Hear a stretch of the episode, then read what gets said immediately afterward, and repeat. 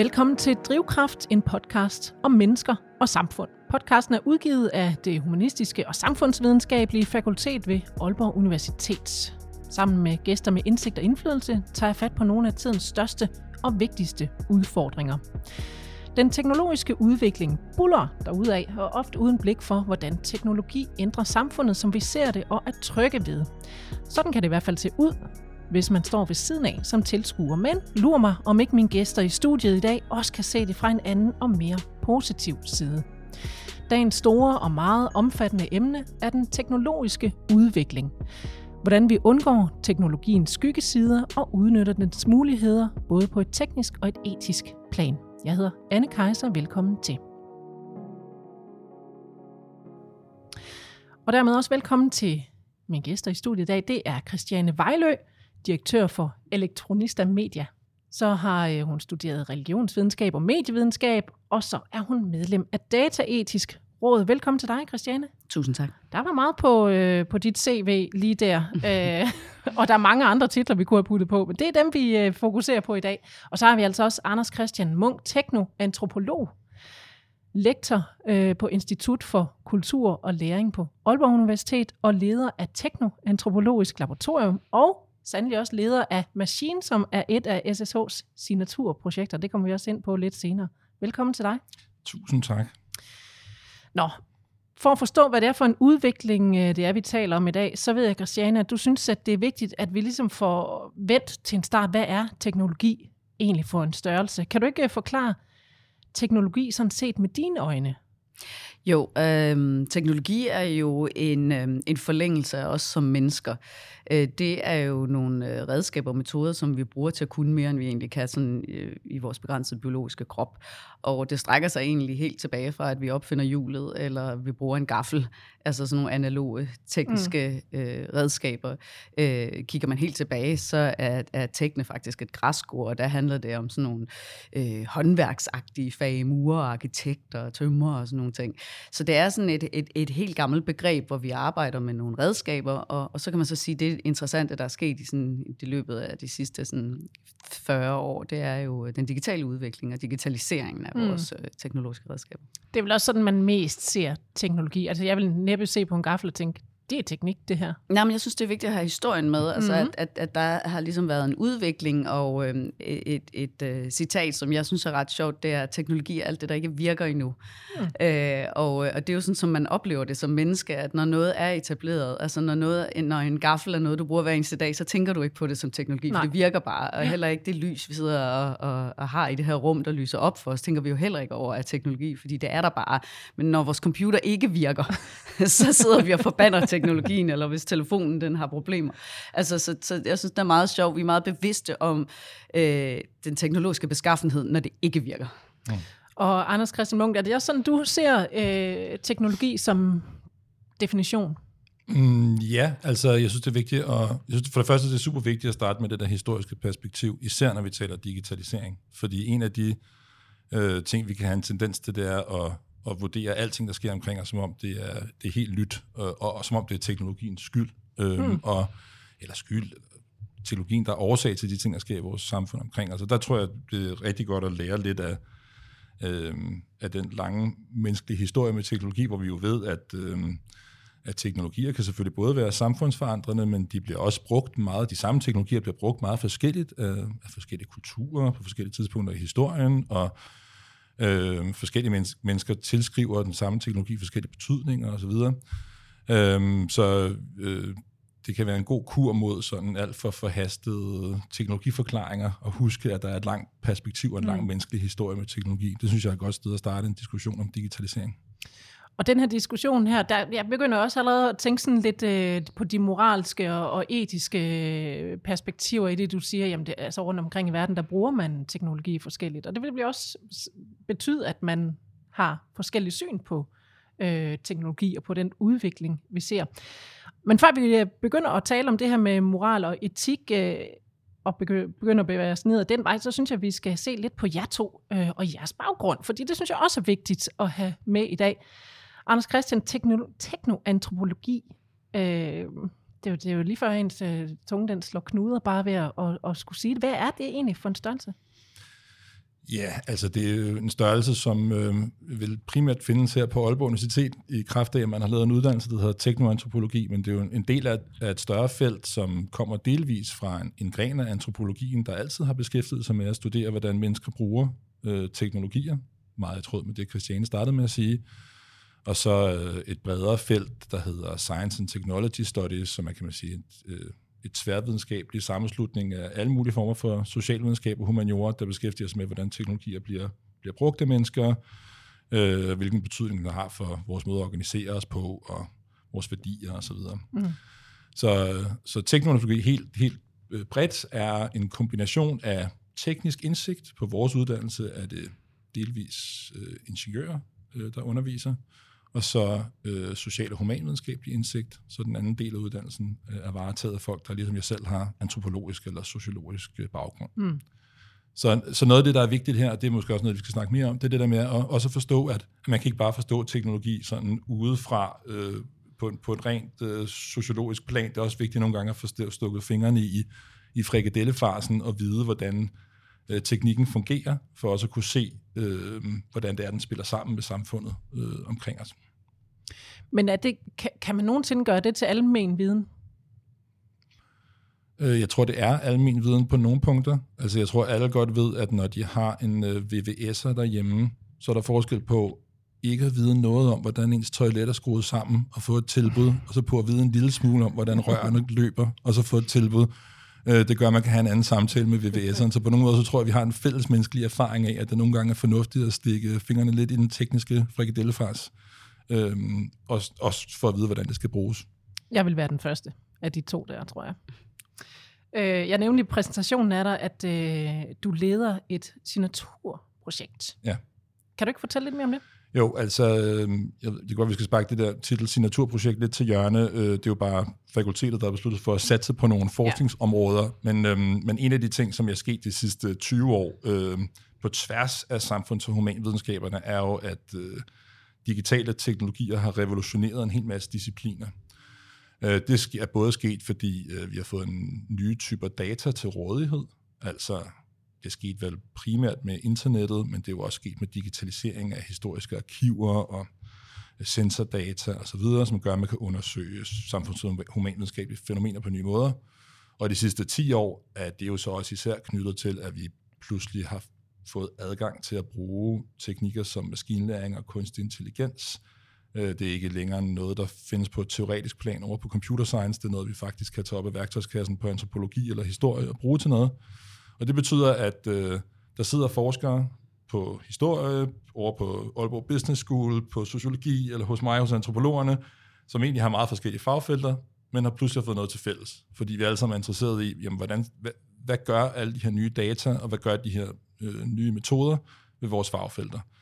Og en af de fælles erfaringer er, at øh, hvis man bare overlader det til, altså en måde at gå til det her på, kunne være at sige, jamen det er os, der har vores domænefaglige spørgsmål. Jeg er interesseret i et eller andet om, hvordan mennesker lever deres hverdagsliv, og hvilke værdier de har. Mm. Så har jeg nogle spørgsmål. Det vil godt, nu vil jeg godt undersøge det på Facebook, så nu ringer jeg til en computer scientist og får dem til at, at fikse det værktøjsmæssigt. Og det her VVS-analogien så bliver relevant for mig, fordi jeg oplever jo ret hurtigt, at hvis ikke jeg selv har indflydelse på, hvordan jeg bygger de maskiner, så får jeg heller ikke, kommer jeg ikke til at kunne lave de undersøgelser, mm. jeg egentlig gerne vil lave.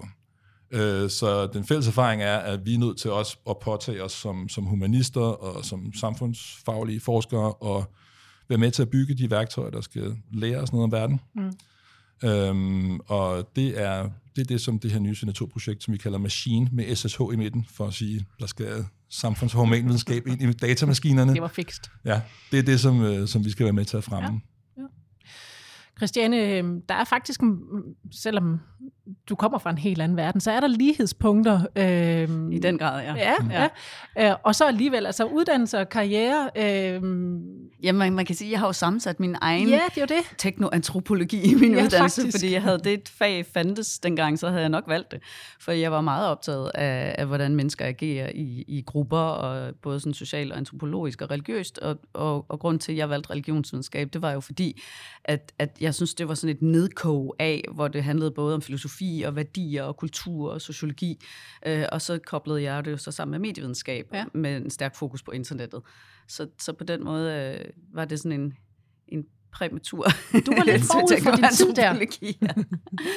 Ja. Det ja. fandtes simpelthen ikke. Nej, men fordi det jeg synes, det fag er fantastisk, Ja. og jeg har, jeg har kigget meget på det Ja. siden, og, og synes, det er så fedt, det findes nu. Og I virkeligheden er det jo sådan, det, er- det er faktisk det, der er karakteristisk for rigtig mange, der arbejder i det felt, at de er alle sammen kommet sådan lidt væltende ind i det med deres egen sammenstykning, fordi at det har de været nødt til. Mm. Øhm, og det er også det, der er fedt. Der er sådan en pionerånd ved det på en eller anden Mm. måde. Ikke? Ja.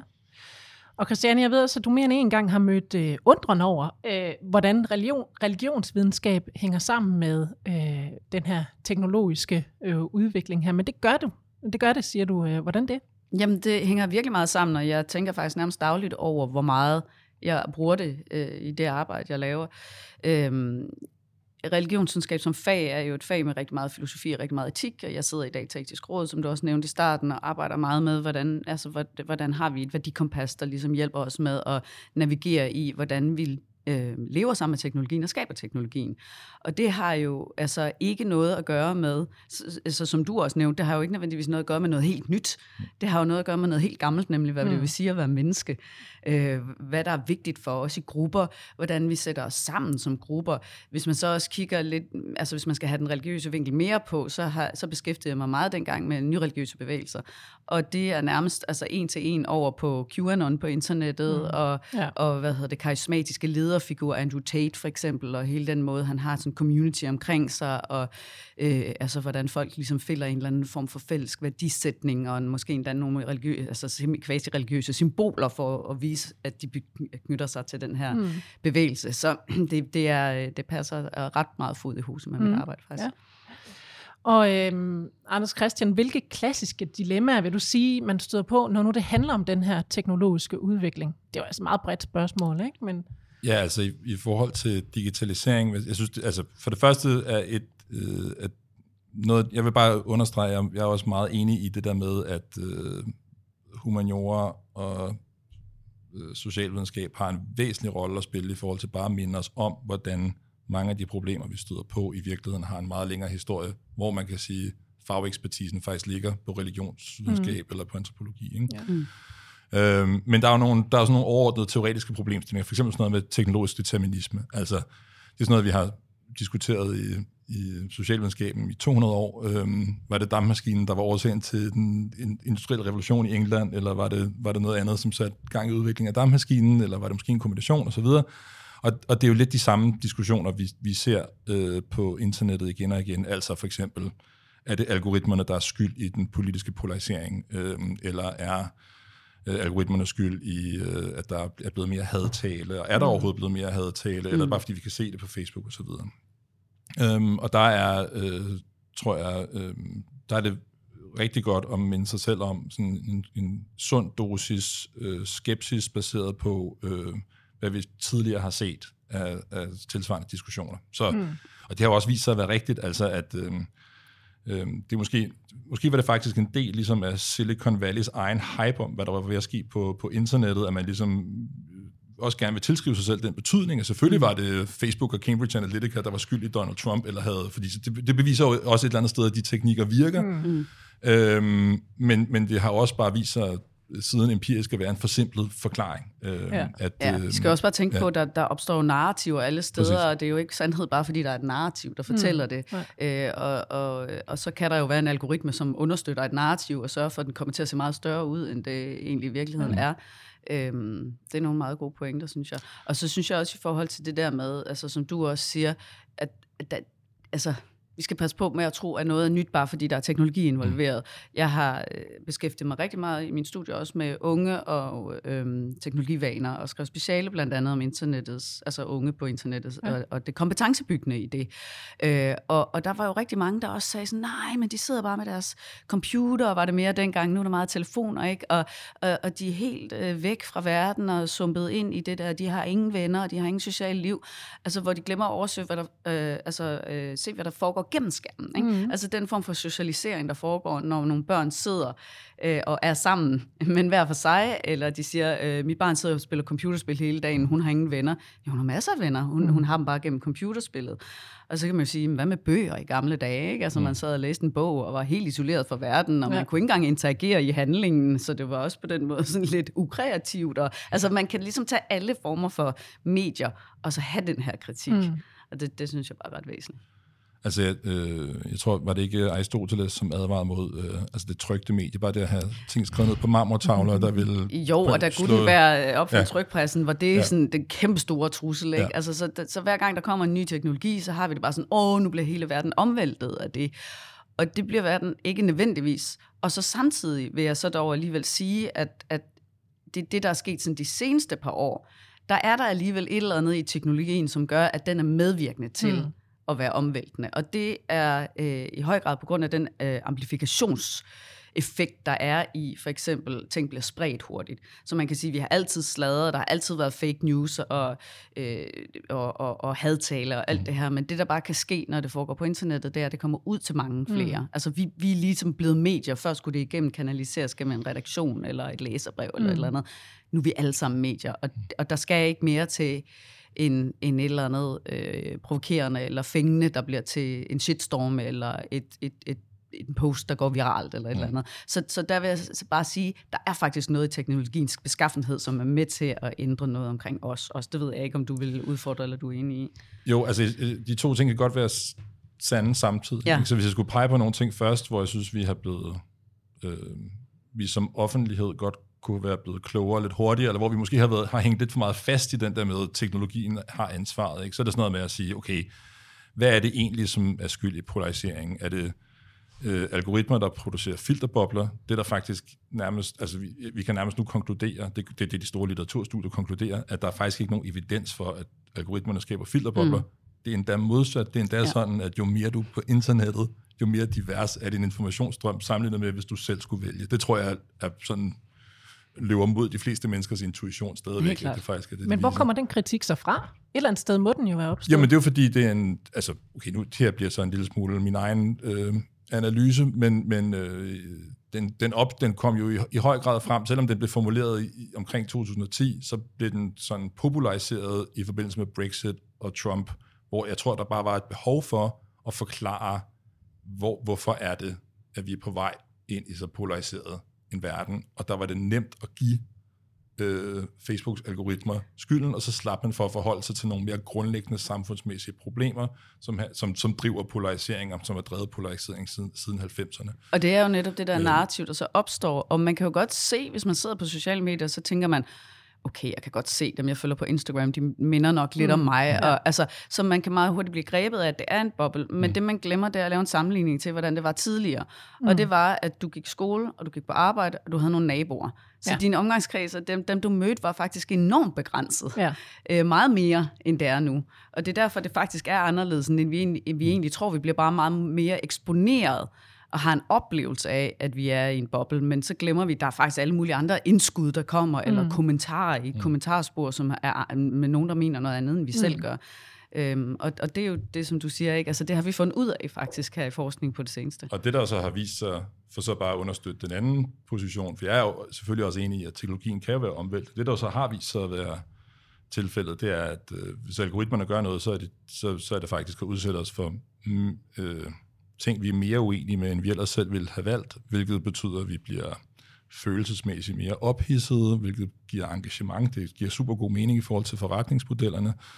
Øhm, så, og, og det er faktisk en amplifikationsmekanisme. Mm. Ikke? Hvis jeg så det er skal ikke, komme fordi teknologierne ikke gør noget. Det er bare, ja. Ja, mm. hvis, hvis jeg skal komme med et eksempel der, som en ting, der optager mig meget lige nu, det er altså mediernes ansvar i forhold til deres overskrifter og kommentarspor, mm. hvor i øh, gamle dage, der pakkede man øh, fisk ind i gårdsdagens avis, og så kunne man hurtigt altså, lægge den historie bag sig.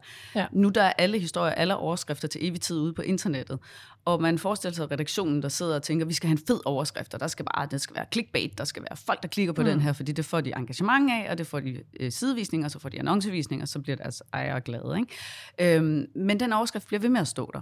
Og den overskrift, den skaber den der, som du også siger, den skaber vreden, eller engagementet, eller harmen, eller hvad det nu er, der får folk øh, i, i, kommentarsporet mm. simpelthen. Ikke?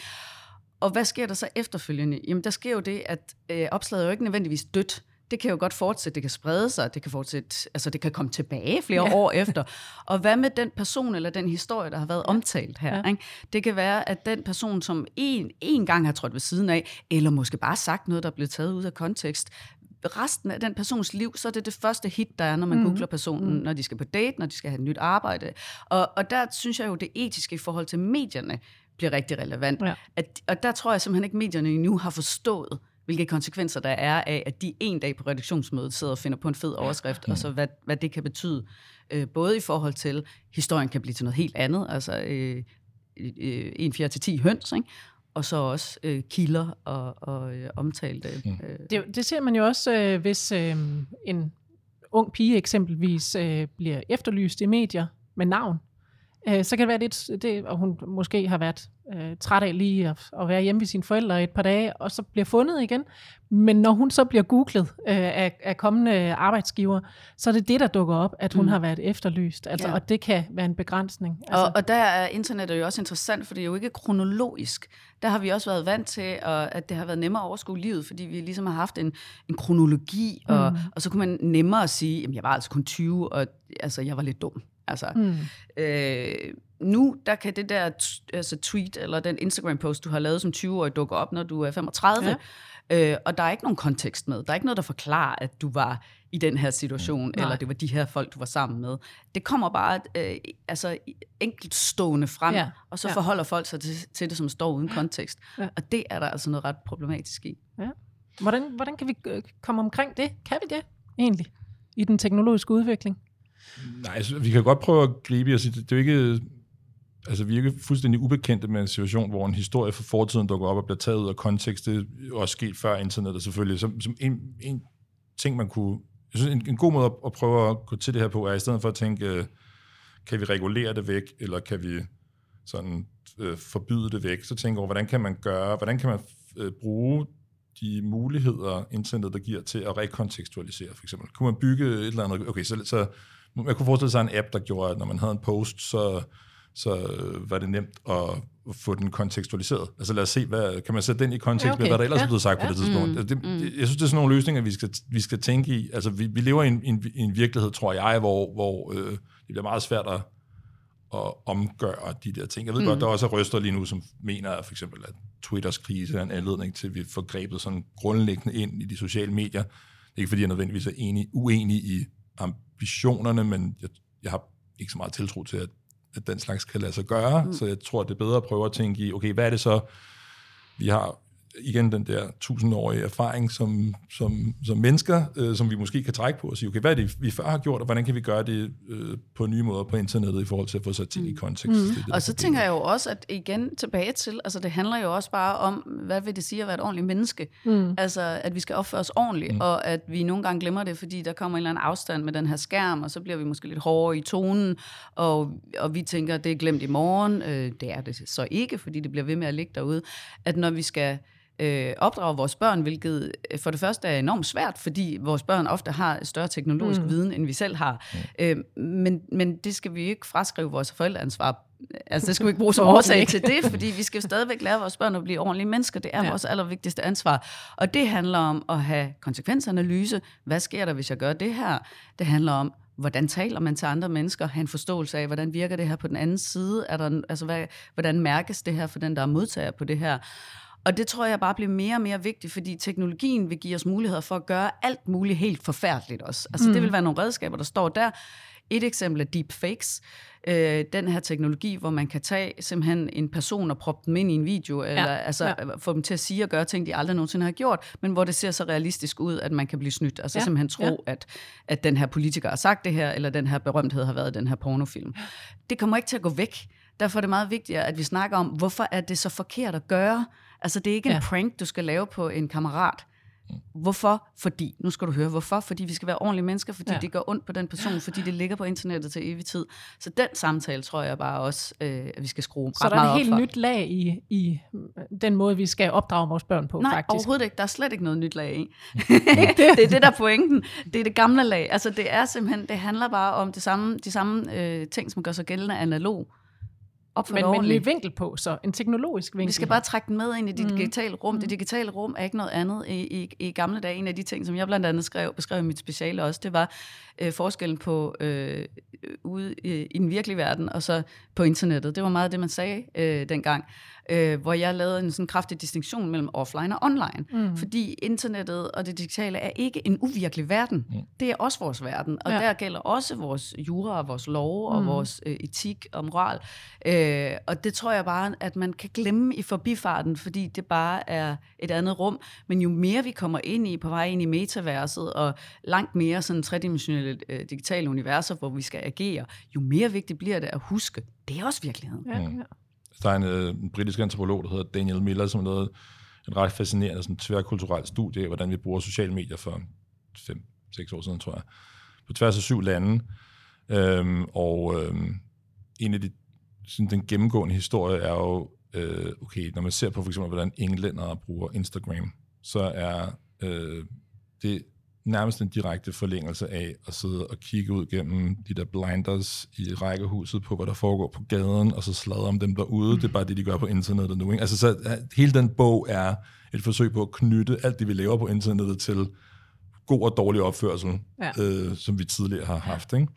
Og jeg synes, en af de, en af de ting, som er, det kan være, at vi skal snakke om det senere, men, men der er jo nogle interessante, hvis, hvis, det, hvis det er det blik, man har, så er der nogle interessante dilemmaer i måden, vi forsøger at regulere det her på, øh, som, som kan risikere, hvor vi kan risikere at skyde os i foden. Altså, det er vigtigt, at vi mm. får taget den her samtale, fordi, øh, bare i forhold til det, vi lige har snakket om, øh, der er en, en del, der mener, at det skal være nemmere for eksempel at være anonym på internettet i øjeblikket. Øh, sådan kan man sige en, en ekstrem forlænger af GDPR-tanken. Mm. Øhm, hvilket selvfølgelig er øh, godt set fra det synspunkt, der hedder, jeg vil gerne kunne glemmes, eller jeg vil gerne kunne, jeg vil helst ikke have, at noget dukker op 25 år senere. Men man kan også prøve at forestille sig den situation, hvor det er øh, dig, der er blevet udsat for et eller andet ja. på internettet, og, og du gerne vil kunne spore den kontekst tilbage, eller du gerne vil kunne vise, hvordan nogen har været systematisk i gang med at undergrave dit rygte, eller et ja. eller andet, ja. hvor øh, hele den her anonymitetstanke faktisk vil være super skadelig. Og ja, det, det er lidt en, en øh, jeg synes lidt, øh, sådan hele debatten omkring, hvordan, både hvordan vi regulerer internettet, og også hvordan vi regulerer AI og så videre, er præget af sådan en slags naivitet i øjeblikket, som i forhold til, ligesom, at der er sådan nogle nemme løsninger. Mm. Hvis bare vi kan få AI, der er unbiased og transparent, så går, går alle problemerne væk. Ja, ja, præcis. øhm, altså, hvem, hvem har nogensinde vil have en selvfølgelig er der, øh, vil du gerne have, når du går ned til din kommune, og de skal beslutte sig for, om, om, om du skal have kontanthjælp, at øh, hvis de overhovedet bruger en AI i den sammenhæng, at så vil du kunne have indsigtens beslutninger, og den skal i hvert fald ikke være biased. Mm. Omvendt, hvis du er øh, færing, og gerne vil være sikker på, at øh, de sprogmodeller, øh, som kommer til at betyde mere og mere i vores liv, øh, de også repræsenterer et færøsk synspunkt, så vil du faktisk øh, super gerne have noget meget biased mm. øh, AI. Ja, fordi når man skal tænke øhm, på, hver gang du ligesom giver en kommando til noget kunstig intelligens, ja. så lægger du jo bias ind, fordi hver gang du ligesom indsnæver den, så er det jo en bias. Du skal holde øje med, hvor mange røde biler, der kører over for rødt, mm. eller et eller andet. Ikke? Ja. Så er det jo en bias, der bliver lagt ind. Så det er jo ikke fordi, den... Øh, vinkling er, er, er gal i sig selv, men vi skal jo selvfølgelig undgå biases, som betyder, at der bliver diskrimination på baggrund af farve, eller køn, eller hud, eller hvad hedder det, religion, eller sådan noget. Men må, må jeg lige hoppe, hoppe tilbage til det, du sagde med at, at, uh, anonymitet, ikke? Mm. Fordi der er også en anden fløj, som siger, at vi kan løse alt ved bare, at der ikke er anonymitet overhovedet. Ikke? Altså, at alle skal stå ved, hvad ja. de siger med deres navn, og de er verificeret og har ligesom, du ved, haft passet ind ligesom på Airbnb, eller hvad man nu har. Ikke? Altså, man er verificeret som person, at man, man hænger sammen. Øhm, og der glemmer man måske at tænke på, at ja, det kan måske godt fungere i Danmark, men der er jo også regimer, hvor vi har brug for, at der er nogle mennesker, der kan tale imod ja. øh, et undertrykkende regime, og gøre det uden at få, altså at blive slået ihjel. Ja. Øh, eller folk, der har en seksualitet, som er forbudt, eller øh, altså, øh, har brug for på en eller anden måde at, øh, at gøre et oprør mod noget undertrykkende de, de bliver jo nødt til at have en plads til at have noget anonymitet. Ja. Ikke? Så det er bare ikke så nemt at løse. Det var jo præcis det, der var din pointe, også bare med modsat fortegn. Med, jamen, så er der nogen, der tror, vi kan gøre det anonymt, så er der nogen, der tror, vi kan bare lade være med at gøre det anonymt. Ingen af delene er faktisk Nej. løsningen. Nej. Men hvad noget... er så løsningen? Jamen, det er jo også noget, vi kender fra, fra vores egen historie. Ikke? Altså hele trykkefrihedsperioden øh, er jo selvfølgelig fyldt med øh, anonyme skriverier om, om kongen, øh, som man ikke kunne stå ved med navn. Ja. Øh, og en interessant krølle på det er, at nogle af mine kollegaer, de sidder lige nu og prøver at lave sådan noget, der hedder... Altså jeg har øh, kollegaer her, som, har, som arbejder med, med den periode, øh, og, og de sidder så og laver øh, det, der hedder stilografi, eller stylography, øh, som er en, en gren af AI, altså kunstig intelligens, mm. hvor man prøver at, øh, at få en, en maskinlæring til at gætte på, hvem er det, der faktisk har skrevet det her. Så man har et datasæt, som hedder, vi ved en masse, har en masse tekster fra 1700-tallet, hvor vi kender folk med navn. Øh, nu træner vi øh, en algoritme til at genkende den måde at skrive på, og så ser vi, om vi kan finde ud af, hvem er det egentlig, der står bag alle de der anonyme ja. læserbreve fra ja. 1700-tallet. Spændende. Hvilket er super, ja, spændende forskningsmæssigt, ikke? Men så skal man bare lige forestille sig, og det er jo det, der altid er tilfældet her, at nu, øh, lad os så sige, at, øh, hvad ved jeg, regimet i Hvide Rusland godt kunne tænke sig at vide, hvem er det, Ja, der det er står bag rigtigt. de anonyme Ja. skriverier.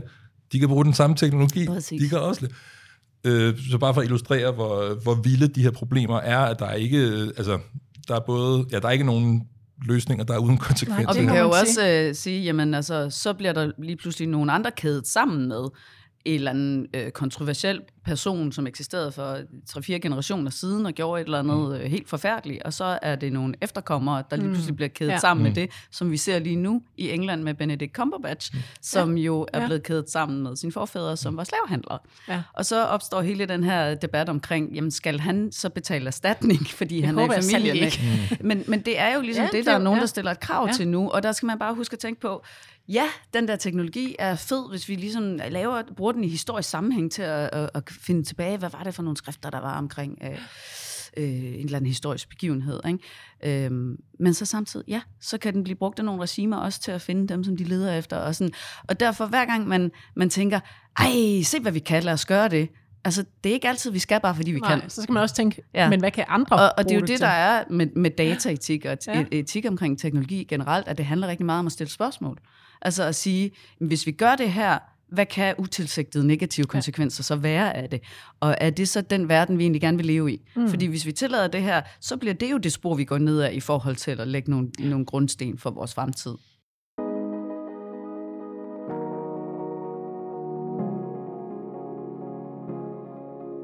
Så når øh, nye og eksisterende teknologier skal udvikles, så skal det selvfølgelig gøres på en øh, ansvarlig måde. Det har vi jo faktisk alt, allerede øh, konkluderet, og det giver jo også sig selv.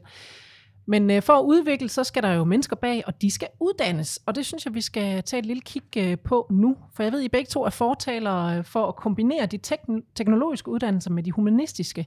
Hvad er det, man kan opnå ved det, øh, Christiane? Jamen, øh, det, jeg synes jo, det er simpelthen altså indlysende, og derfor kan det godt undre mig nogle gange, hvor silo-opdelt vores samfund er, fordi vi ved, at den allerbedste forskning og den allerbedste innovation foregår i krydsfelter, altså hvor man ligesom samler ind flere forskellige steder fra, også for at udfordre de antagelser, man måske har. Og lige præcis i forhold til øh, teknologi, jamen så er antropologien, øh, sociologien, psykologien bare helt vildt vigtigt. Mm. Øh, fordi det ikke handler om redskaber, det handler om mennesker. Det handler om, hvordan det indgår i vores liv, hvad for et liv grundlæggende vi gerne vil leve, hvordan teknologien hjælper os med at nå derhen. Øh, Så derfor kan man ikke skabe teknologi uden at forholde sig til mennesker og humaniorer, øh, som jo er, en, er altså, øh, kan man sige, det faglige udgangspunkt for at beskæftige Ja. sig med mennesker. Ja.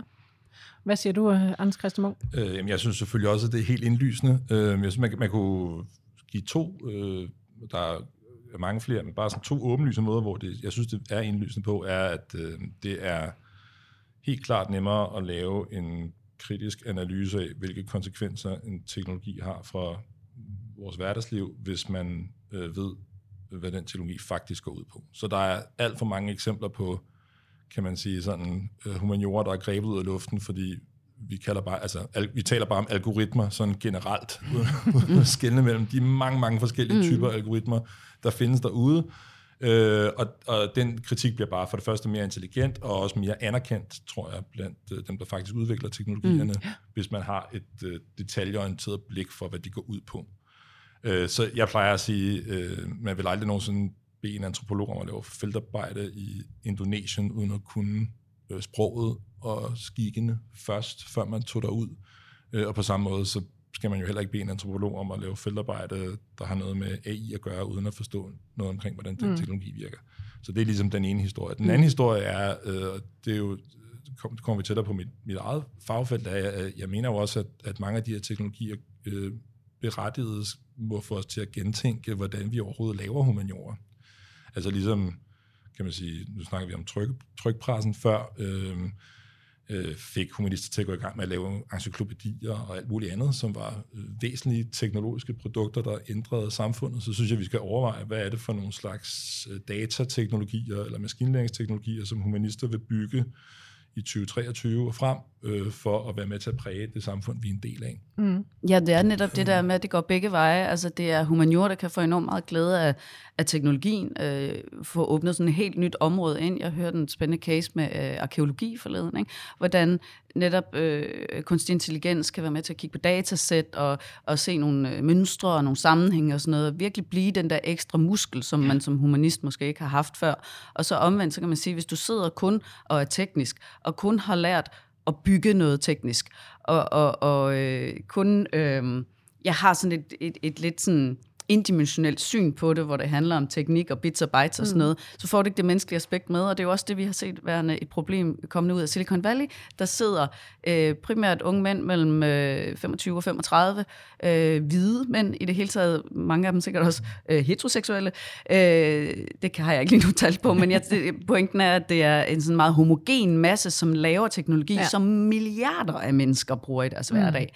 Og det er jo klart, hvis de ikke har et humanistisk perspektiv på det, så er det, der kommer alle de her bias og utilsigtede konsekvenser og, og øhm, forskelsbehandlinger og øh, øh, en, en, nogle algoritmer, som favoriserer for eksempel øh, sådan mere aggressiv tale. Eller, altså, så, så de, den, den gensidighed, der kan være mellem teknologi, og antropologi eller humanistiske fag, øh, er, er bare altså, virkelig givetig.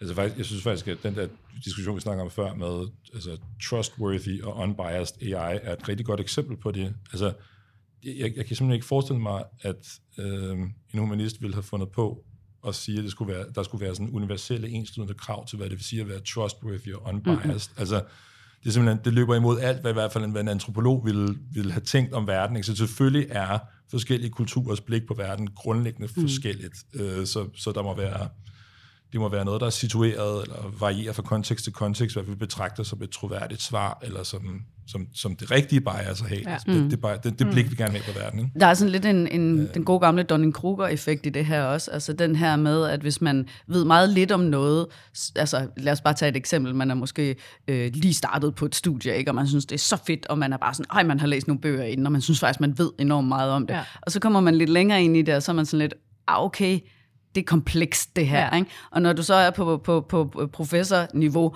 så siger du, prøv at høre, det er altså overhovedet ikke sort-hvidt det her. Det er ekstremt komplekst, og du skal have alle de her nuancer med, hver gang du skal omtale et eller andet. Og det er derfor, hvis man øh, får ideen til at lave et, øh, et mærke, jamen lad os lave en mærkningsordning, hvor vi siger, at det skal være transparent og, og etisk. Altså, så er du som regel i den tidlige proces, ikke? så er du før du har kommet derhen til, hvor du siger, at det er faktisk umuligt at lave den mærkningsordning, ja, ja. fordi vi har ikke engang defineret, hvad er etik, det kommer vi sikkert heller aldrig nogensinde til, fordi det er også kulturelt bestemt, og det er, noget, det er også et dynamisk begreb, der udvikler sig igennem tiden.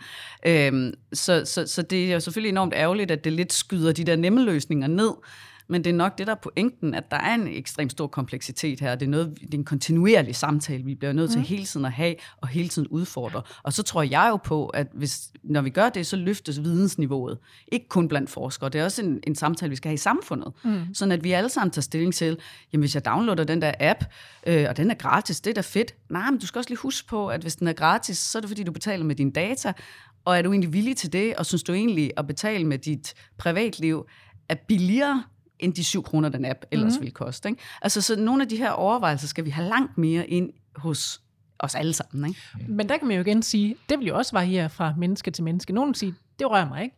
I tager bare min data, og andre vil sige, mm. det skal I ikke. Altså, det vil jeg ikke være med til. Men der typisk, også... jo mere information man får, jo mere forstår man kompleksiteten og tænker, jamen, der er ikke noget hemmeligt ved mig. Der er mange, der siger, øh, prøv at høre, jeg har ikke noget at skjule, jeg øh, betaler min skat, og jeg er ikke utro, og jeg er ikke... Altså, nej, men, men det kan jo godt være, at du for eksempel søger et nyt job, og har lyst til, at det lige er diskret i den periode, du går ja, til samtaler, ja. og din chef ikke skal høre det. Så der er en kontekst. Ja. Ikke? Det kan også være, at du vil arrangere, arrangere et surprise party, så er du måske ikke, øh, så har du siddet og googlet det, så er du måske ikke interesseret i, at der kommer øh, alle mulige annoncer op på jeres familiecomputer, hvor der øh, reklameres for at lege til det og bands oh, og sådan den kender jeg godt op til jul, den der.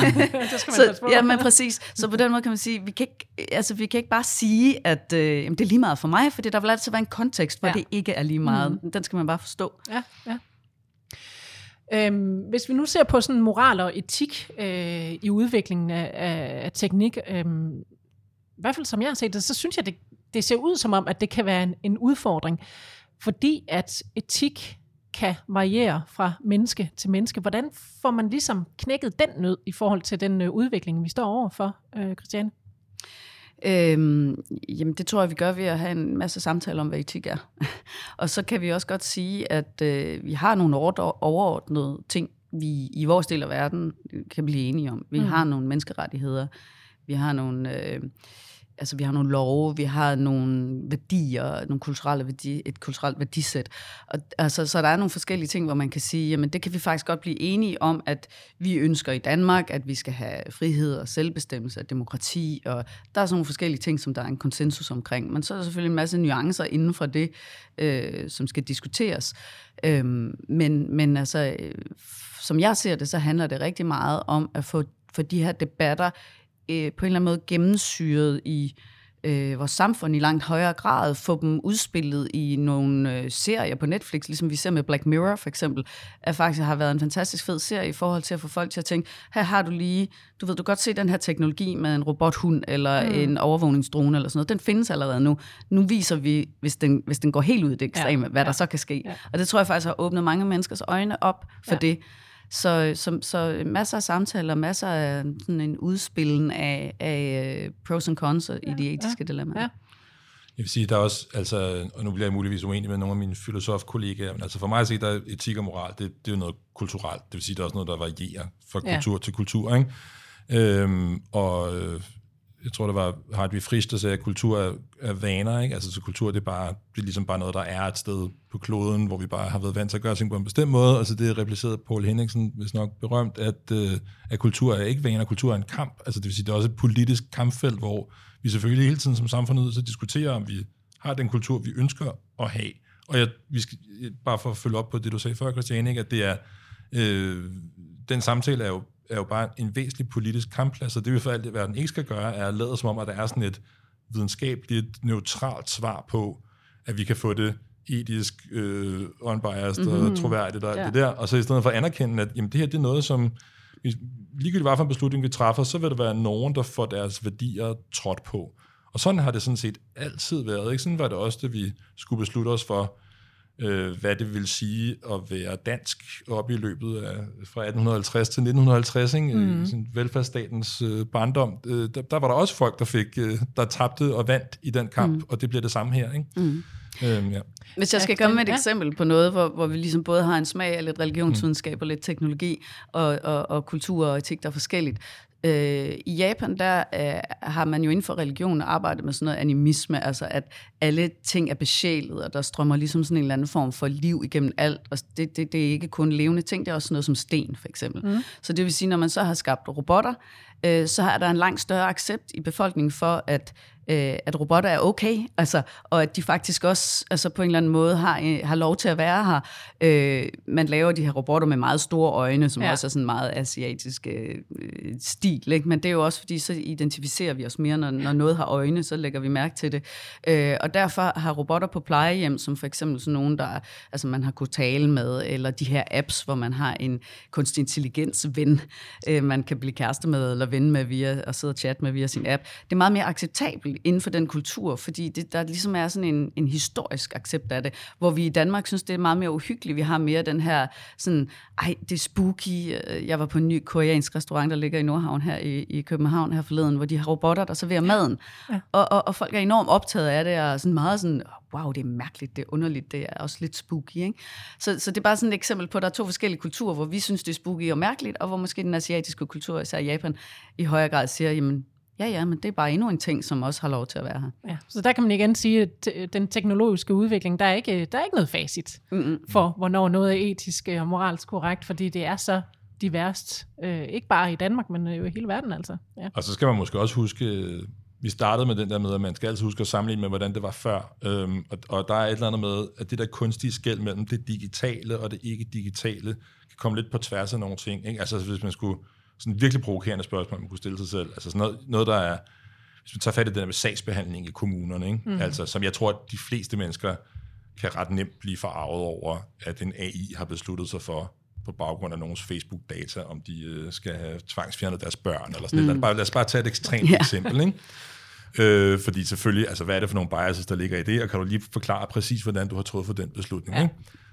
Men lad os bare lige lave tankeeksperimentet, der hedder, jeg vil da gerne have, at sagsbehandleren så også kan printe blueprintet til, hvordan de har truffet den beslutning ja. ud, og, og redegøre fuldstændig neutralt for de mm. biases, de ligger til grund i, i de sager. Altså, kunne man for eksempel forestille sig, at, øh, at det kunne være, at der sidder nogle sagsbehandlere rundt omkring, som faktisk havde brug for at få tjekket deres biases. Og af, etiske kompas. For, ja, et eller andet. En, mm. Bare lige at se, hvad en algoritme have truffet for en beslutning her. Ikke? Øh, jeg siger ikke, at det, er det, der, altså det her det er overhovedet ikke et argument for at indføre mm. AI i sagsbehandlingen, men det er et, et tankeeksperiment for, for, for, for at overveje, om hvad er det, det analoge alternativ er, altså mm. i stedet for kun at have den etiske diskussion. Det er enormt sjovt, fordi vi har en stor accept af menneskelige fejl, og det mm. skal vi jo selvfølgelig også have, men vi accepterer ikke en selvkørende bil kører galt. Vi accepterer ikke en robotkirurg laver en fejl. Vi accepterer ikke, der bliver lavet en fejl i sagsbehandlingen overhovedet. Samtidig med, at vi kan sige, at mennesker, jamen de kommer jo med alle de fejl og biases, ja. som vi nu ja. har. Vi kan være trætte, vi kan være beruset, vi kan have kærestesover, mm. vi kan have altså, en psykisk øh, lidelse, vi kan have alle mulige ting, der påvirker os øh, bare vi er dårlige humør. Ikke? Altså, eller øh, vi har jo set en masse eksempler på, at hvis øh, man ikke har spist, så tager man nogle andre beslutninger, end hvis man har spist. Ja. Øh, og, og, og, og altså, derfor er det bare en ret stor pointe at sige, altså præcis som du gør, hvad er det analoge alternativ? Altså, mm. øh, kigger man på røntgenbilleder med kunstig intelligens, så, er, så ser vi masser af gode resultater på, at kunstig intelligens er bedre end mennesker til at identificere mm. øh, cancer, for eksempel.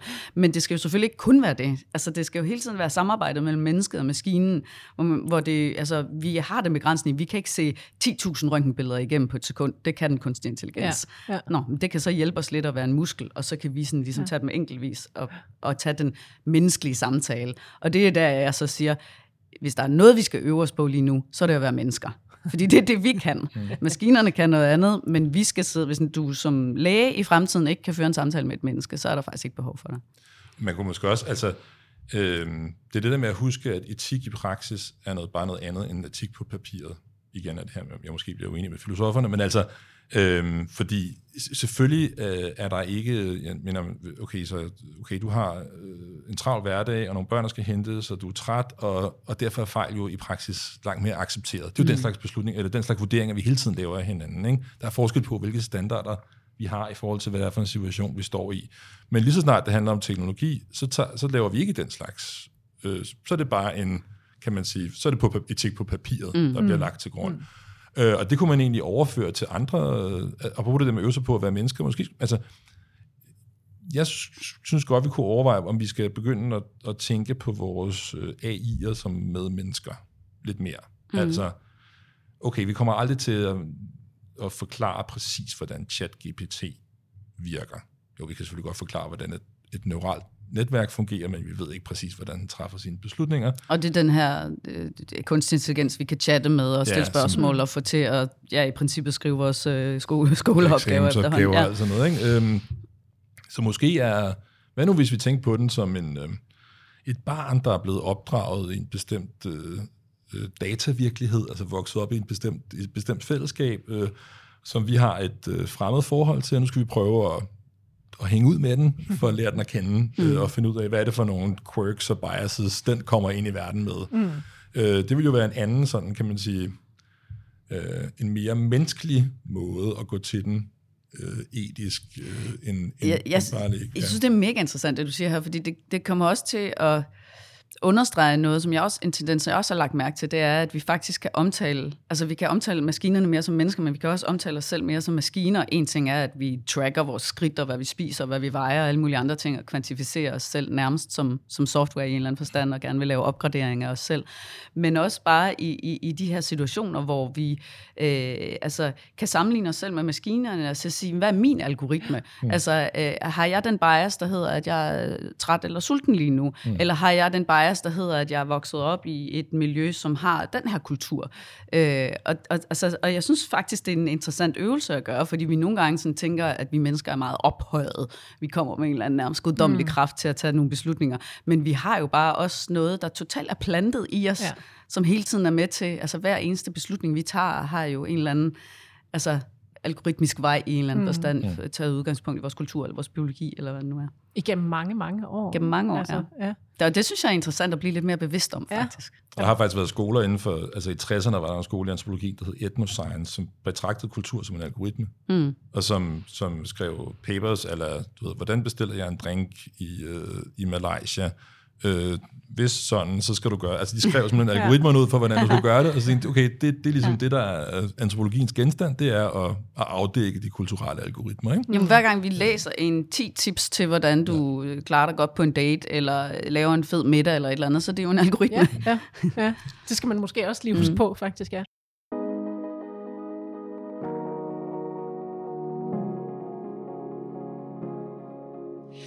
Teknologien vil formentlig, ah, det kan jeg godt sige, den kommer altså til at fylde endnu mere i vores liv i fremtiden end, øh, end nu. Så jeg synes, vi lige her til sidst skal ret blikket mod de kommende år og årtier, fremtiden. Hvis øh, man kan det med sådan en teknologisk udvikling, det kan jo også være svært i sig selv.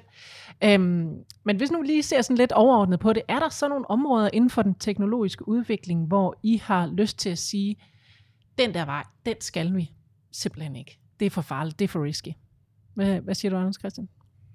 Nej, det er der ikke. øh, jeg- fordi, du, og hvis det er formuleret på den måde, for jeg synes, ikke, jeg synes ikke, vi skal snakke om det som den teknologiske udvikling. Jeg synes ikke, vi kan pege på et best, en bestemt teknologi og sige, den skal vi ikke. Altså nu, jeg beskæftiger mig ikke med, hvad der foregår på, i fysikken. Jeg tænker, vi snakker om mm. digitalisering lige nu, ikke?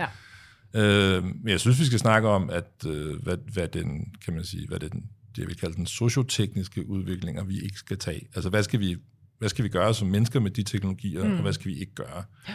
Øh, jeg, er ikke, jeg tror ikke specielt meget på det der med, at man kan lade være med at lave teknologier, og så undgå bestemte konsekvenser.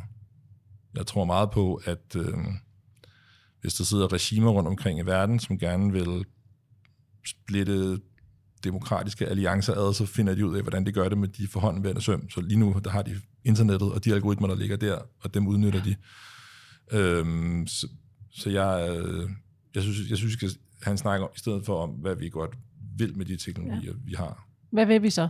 Øh, jamen, jeg, jeg vil godt have en mere øh, menneskelig og fejlbarlig samtale om, hvad, jeg tror, det, hele, det kommer til at handle om kunstig intelligens øh, alt sammen lige om lidt, hvis ikke det allerede gør det. Øh, og jeg tror, vi er nødt til at begynde at snakke om, hvordan vi øh, lever sammen med øh, kunstig intelligens, som om de var mennesker, og ikke ting, vi kan øh, regulere som maskiner. Mm. Mm. Hvad siger du, Christiane? Mm, altså, jeg synes jo egentlig, hvad jeg synes er uvæsentligt, fordi jeg synes, det er et spørgsmål, alle skal forholde Ja. sig til. Øh, og øh, en ting, som jeg i hvert fald bare lige også har, har fået mig til at reflektere lidt, det er også selvfølgelig, altså, som du siger, Anders, kunstig intelligens. Altså, der, det, det er virkelig det område, hvor, hvor der er flest etiske spørgsmål lige nu, og hvor, der, er- hvor, hvor, vi, hvor vi bliver nødt til at tænke nogle tanker. Øh, vi har set øh, chat øh, GPT, vi har set de her øh, forskellige kunstig intelligens øh, øh, værktøjer, hvor du kan skabe kunst, for eksempel. Ikke? Så det vil sige, nu er der efterhånden øh, kunstig intelligens, som kan skabe kunstværker, som kan skabe tekst, som kan skabe poesi, som kan skabe musik. Alle, alle de her ting, som i virkeligheden har været noget, vi har betragtet som meget menneskeligt. Og øhm, jeg, jeg, jeg ved ikke, hvor jeg selv står præcis i forhold til det her, fordi det er en ting, der er ved at blive udfoldet, men jeg kan godt interessere mig for det kritiske argument, der siger, "M- m- hvad er det, vi er i gang med lige nu? Altså, vi er virkelig i gang med at få skabt noget, der kan det, vi kan. Ja. Og Og lige, mere. nu, og lige nu, der gør de det måske lidt hjælpeløst, men altså, har man leget med ChatGPT, eller nogle af de her øh, Midjourney eller noget, prøvet at lave kunstværk og sådan noget, jeg kan ikke male. Jeg har lavet de mest fantastiske altså kunstværker, synes jeg selv. Øh, og det er stadigvæk i et samspil med teknologien. Men, men, men jeg kan godt lide den der sådan lidt dystopiske science fiction-agtige ting med, hvis vi ser tilbage før, altså fra 40 år ude i fremtiden og ser tilbage, og så bare tænker, hvad lavede vi? Altså, det var os, der bare jublende inviterede den her konkurrent mm. ind, som bare blev bedre og bedre til at lave noget, som vi bare på en eller anden måde slet ikke kunne følge med i.